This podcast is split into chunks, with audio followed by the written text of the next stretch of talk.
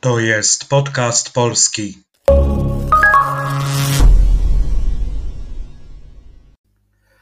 Witam w odcinku specjalnym podcastu polskiego przeznaczonym jedynie dla patronów. W tym odcinku będzie mowa o rozmowach wideo jako sposobie na ćwiczenie języka obcego.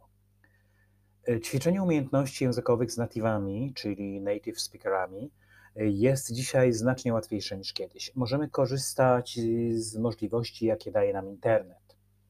Najpierw jednak krótkie wyjaśnienie, dlaczego mówię o natywach.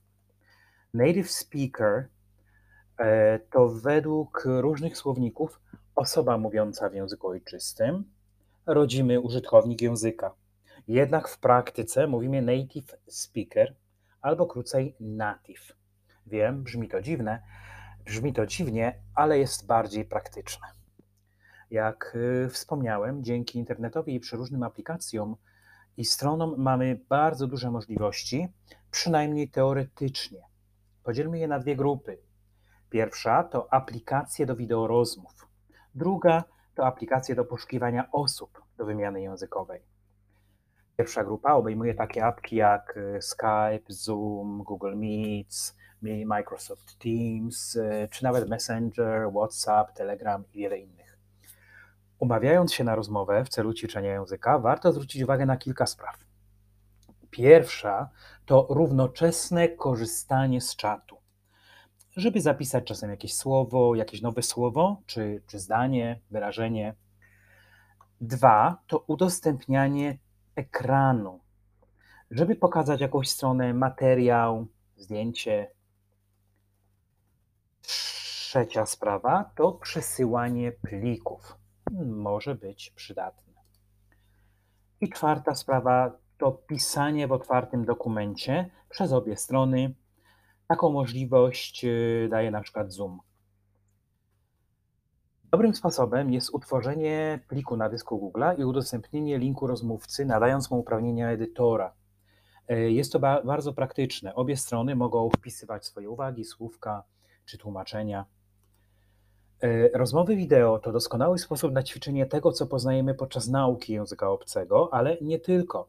Mamy kontakt nie tylko z językiem literackim, z super poprawną gramatyką, ale przede wszystkim z językiem potocznym, z nowymi powiedzeniami, których nie znajdziemy w podręcznikach. Rozmowa z native speakerem to także doskonała okazja do poznania kraju, w którym mieszka, jego kultury, historii, tradycji, zwyczajów artystów, malarzy itd. itd. To w końcu doskonała okazja do poznania nowych ludzi i nawiązania nowych przyjaźni. Co do aplikacji i stron, na których możemy znaleźć osoby chętne do wymiany językowej, to warto spróbować m.in. iTalki, Speaky, Tandem, HelloTalk, Hi Native. Trzeba jednak uzbroić się w cierpliwość.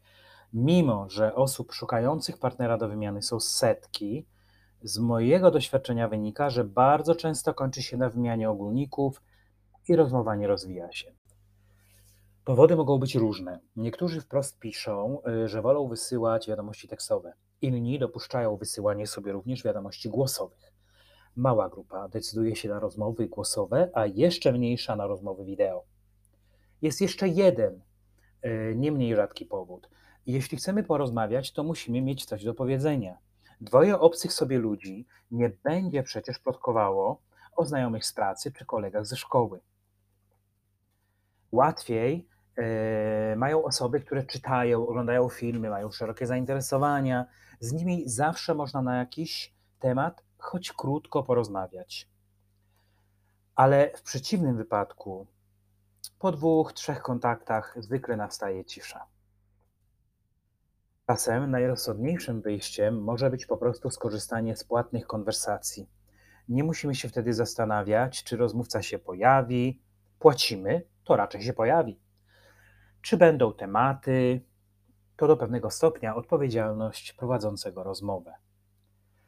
Podsumowując, polecam ćwiczenie języka za pomocą rozmów wideo. W moim przekonaniu lepsze są rozmowy wideo niż głosowe.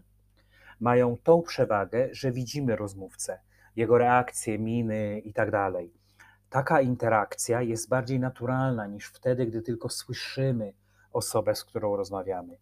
Szukając partnerów do wymiany, uzbrójmy się w cierpliwość. Nie od razu Rzym zbudowano, nie od razu też znajdziemy kogoś, z kim będzie nam się dobrze rozmawiało, z kim miło będzie spędzać pół godziny, godzinę czy więcej.